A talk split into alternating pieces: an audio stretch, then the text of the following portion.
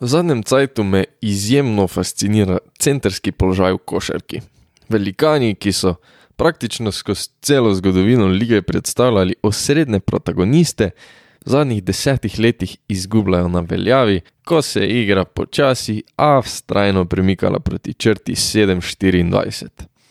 Danes se bomo skupaj sprehodili po ligi, po največjih, ki so raketi dominirali skozi desetletja.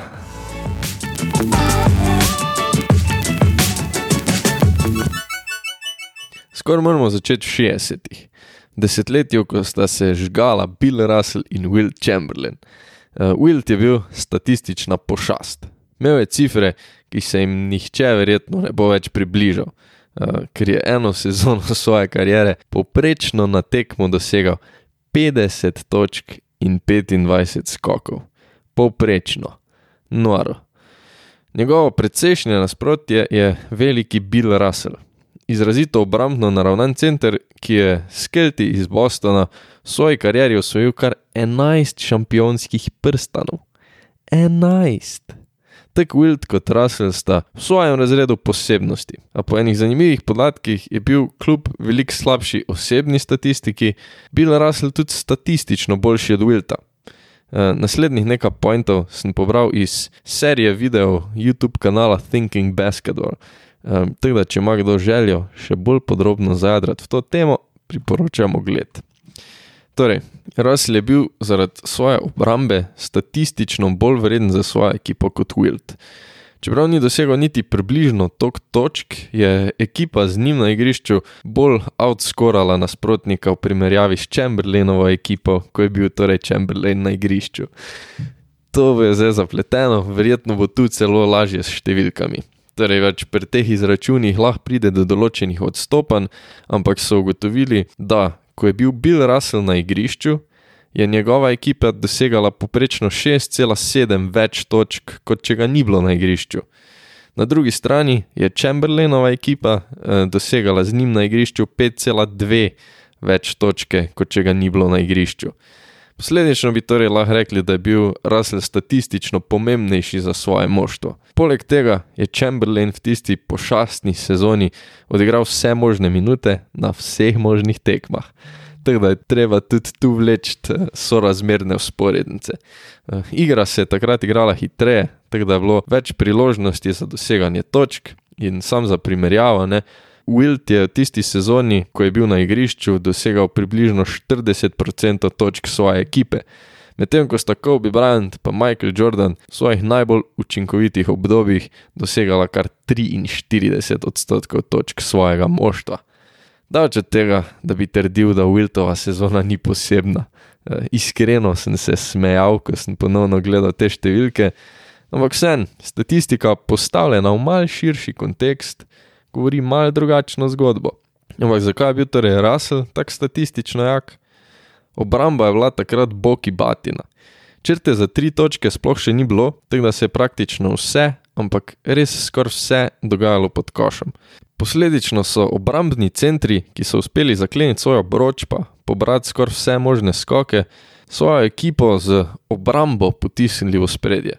Russell je karjerno dosegal torej le 15 točk na tekmo, ampak kar 22,5 skokov, poleg dobrih 4 asistenc. Nikoli ni bil tako seksi kot Wild, a vse kaže, da je bil obrambna gravitacijska sila, ki je privlačila zmago. 70 in 80 so pripadala enemu, vsem dobro poznanemu posamezniku. Karim Abdul-Jabbar je dominiral raketo, a ne toliko zaradi svoje fizične prezence kot tehničnih orožij. Karimov Skyhook je še vedno najbolj nezaustavljiv med v zgodovini košarke. Svojimi 218 cm je imel sposobnost metati čez nasprotnike, kar ga postavlja na vrh lestvice najboljših streljcev v zgodovini. Skozi 70 se je še vedno vse dogajalo v raketi. Abdul Jabbar je bil solidno obrambno, no, predvsem seveda zaradi tega okvirja, višine, eh, ki mu je omogočala čudovite blokade. Uh, bil je vse preko štorast, vse en pa je velikrat ostal izven perfektnega položaja, tako da težko govorimo o branilcu na enakem nivoju kvalitete, ki jo je pač predstavljal v napadu. Torej, napad je bil veliko, veliko boljši. Uh, ampak vseeno je bil ta nek visok okvir, čez katerega je bilo vse preko lahko zaključevati, ker štirikrat je vodil ligo v blokadah in bil izbran v 11 all-defensive ekip. Karim je zelo dolgo igral na elitnem nivoju, viden upad statistike se je zgodil šele v sezoni 86-87, kar 18 let po njegovem stopu v ligo. V 80-ih so se zadeve malce spremenile. Medtem ko prej praktično ni imelo smisla akcij zaključovati druge kot v raketi, se je leta 1979 igra začela širiti. Takrat so uvedli črto za tri točke. Centrov niso kar pozabili.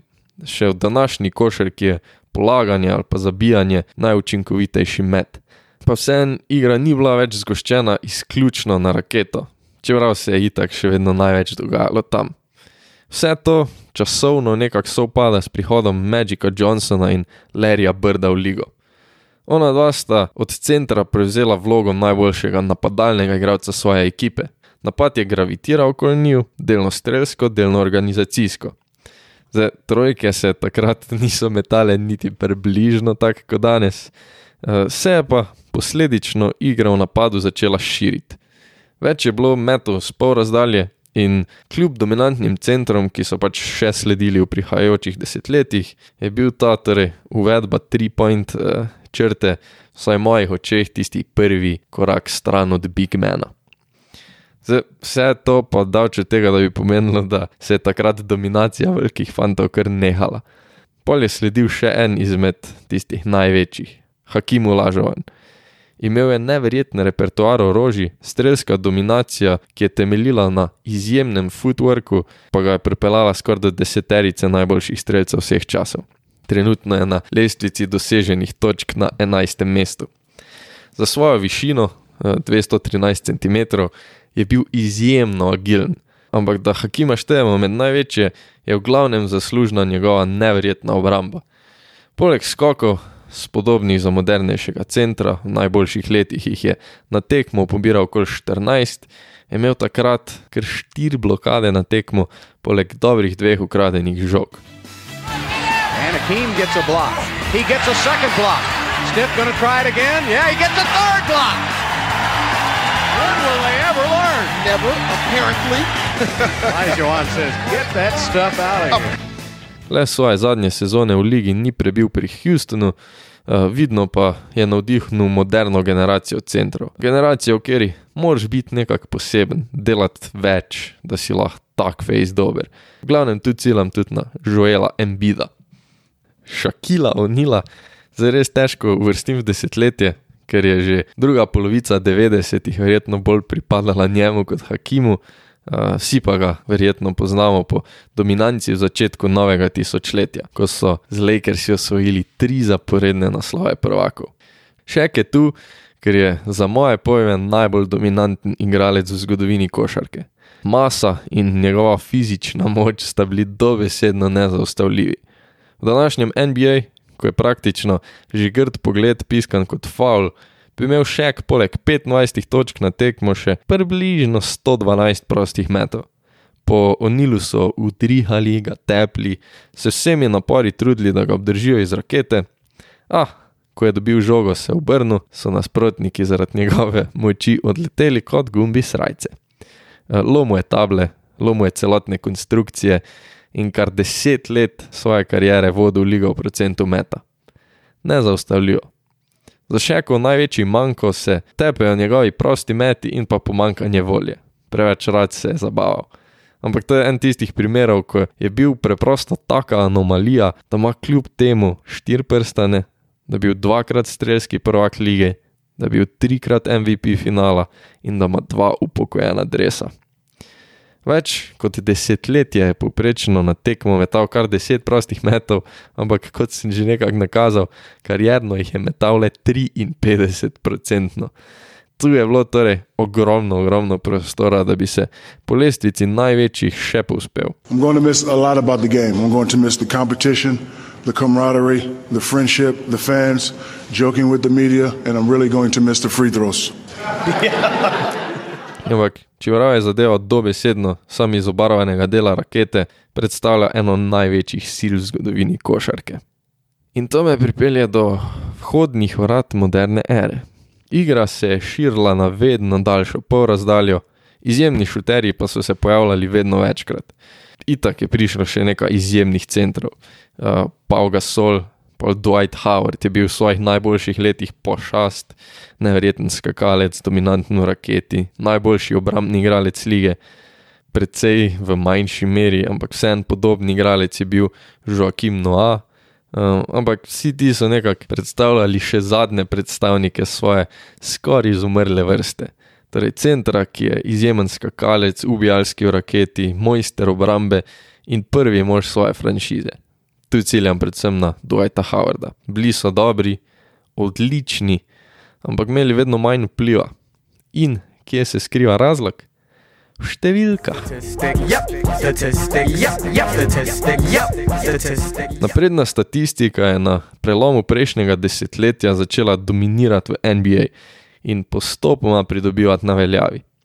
Zdaj daleč od tega, da bi jo jaz razumel, ampak če kar se da poenostavim, tri točke so več kot dve. In čeprav so meti za dve bolj uspešni, niso toliko bolj uspešni, da na daljše obdobje trojka ne bi bila več vredna.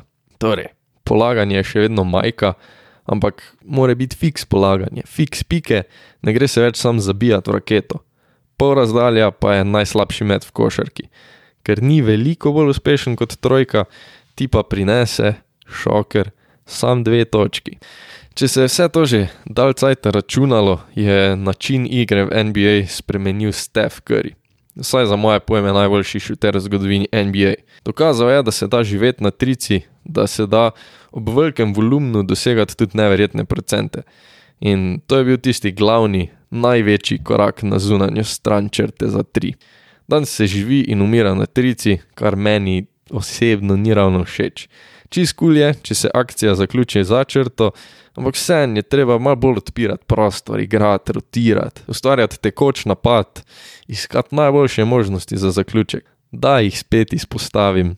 Predvsem predala so ne, se meni zdi, da so sposobni zmagati trenutno le če steče med za tri, ko žoga ne pada skozi obroč, pa zgleda, kot da nimajo glih drugih rešitev. Včasih je mogoče treba sam pozabiti na cifre pa igrati košarko. Ki so pa zdaj tu ostali centri? Vedno več jih dan smeče, pa tudi zadeva trice. A pri velikih telesih, pa tudi fizično večjih dlaneh, je občutek za met veliko težje osvojiti kot pri nižjih branilcih.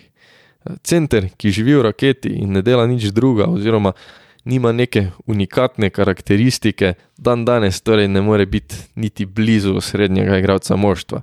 Centri so še vedno enako dobri, še vedno imajo ogromno vpliva, ampak njihova vrednost je šla v podzemlje, ker dejansko pač ne morejo biti najboljši igralec neke ekipe. Eh, primer tega je danes naprimer Rudy Gobert iz Utah Jazza en najboljših skakalcev v ligi in večkratni obrambni igralec lige, soliden napadalni košarkar, ki je mogoče lahko drugi najboljši posameznik nekega moštva. Če prav iskreno, tudi v to malo dvomim, no, če ni tvoj tretji najboljši košarkar, vsaj primerljive kvalitete, vsaj ko govorimo o želji osvajanja naslovov. Podobno Andrew Drummond, Steven Adams in velik drugih. Storijo ogromno na igrišču, ampak na nobenem področju niso elitni, da bi bili res nek središčen del zmagovalne ekipe, eh, kot bi lahko bili nekih 30 ali pa 40 let nazaj. Center je torej hitro mogel postati več in kar velik posameznikom je to tudi uspelo. Naprimer, Mark Gasol je začel bolj učinkovito uporabljati svoj pregled igre, um, poleg rednega metanja in zadevanja za tri točke. Nek prehod do moderne ere. In tudi danes je več centrov med boljšimi igralci v ligi. Le da jih je precej manj, ker res rabijo nekaj unikatnega, rabijo nekaj več. Za Rudija Goberja sem že omenjal, ima elitno obrambo. Karl Anthony Towns je do zdaj sicer razočaral, ampak vseeno ostaja en najboljših napadalnih igralcev v ligi. Za tri zadeva ko velik, ker pa je tako velik, pa zadeva lagano tudi čez nasprotnike. Eh, znajde se pod obročem in z razdalje, karjerno pa za tri meče 40%, center, svašta. Eh, no, pa pa prijemo še do elitnih velikanov. Dveh posameznikov, ki sta letos celo v MVP debati. Nikola Jokič je pri centerskem položaju triple-double mašina. Pobere skoke, točke dosega tako z razdalje kot z rakete, ker je izjemno iznajdljiv, a njegove podaje so ene najboljših v ligi, za centra pa zgodovinsko verjetno celo najboljše. Pri svoji višini vidi čez nasprotnike, z občutkom spravlja žogo na mesto, kjer žoga more biti, in kot center praktično organizira napad. XL Luka Dončić. Kot zadnji pa tukaj čaka še Joel Embiid. En boljših posameznikov zadnjih nekaj let, ki je kljub pošastnim sezonam šele letos res zacvetel. Njegova igra zdaj zgleda preprosta, Embiid pa dominanten. Je praktično tisti stari center z repertoarjem dodatnih orožij, vrednih moderne NBA. Njegova fizična masa pa moč skrbita, da je pod obročem nezaustavljiv, uh, ustavljajo ga s prekrški, proste mete pa letos meče s 86 odstotno uspešnostjo. Uh, na tak način torej kar 10 točk na tekmo v povprečju dobi za dobrodelne črte.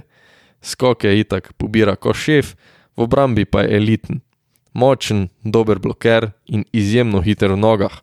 Slednje sem že omenil, da je pobral od Hakima Olažuvana, uh, mu pa ta footwork izjemno pomaga tudi v napadu. Je preprosto hitrejši, bolj agilen od svojih centrskih branilcev, če pa nanj postavijo koga nižjega, je pa preprosto premočen. What a pass to Embiid!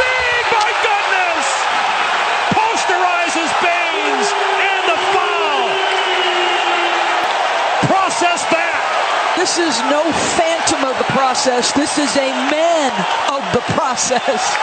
My goodness. Eh, velikrat pol stapa z obrazom proti obroču in je nadpoprečen spol razdalje. Zadane tudi za tri, letos je začrte 27, kar 40 odstotno uspešen. Eh, to je nedvomno razlog novega sistema in novega trenerja. Posledično je embit manj na razdalji, ampak so meti boljši pa bolj uspešni. Embiid letos dela stvari, v katerih je izvenzemeljski in za mene trenutno tudi favorit za usvojitev MVP nagrade. Njegov glavni problem so poškodbe, letos ga sicer pazijo in hvala Bogu, še ni imel kakih težav. Izgleda pošastno, kar mi je izjemno všeč. Všeč mi je, da košarkari dokazujejo, da se dober, učinkovit basket lahko igra tudi znotraj črte za tri. Dejstvo je, da je prišlo do evolucije centrskega položaja, ampak posamezniki kažejo, da še vedno mogoče igro graditi okoli centra. Mlajše generacije pa posledično spodbujajo k piljenju svoje igre in dodajajo orožje svojemu repertoarju, da bojo lahko dominirali tudi v moderni košarki.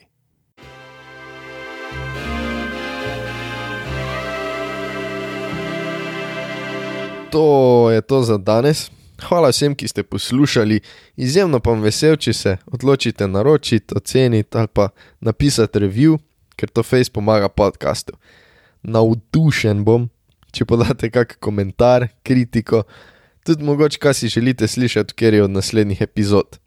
Najbolj pa vam vesel, če se odločite priporočiti prijateljem, ker vsaj v mojih očeh to pomeni, da vam je res od srca všeč. Se čujemo naslednji teden. Ajde!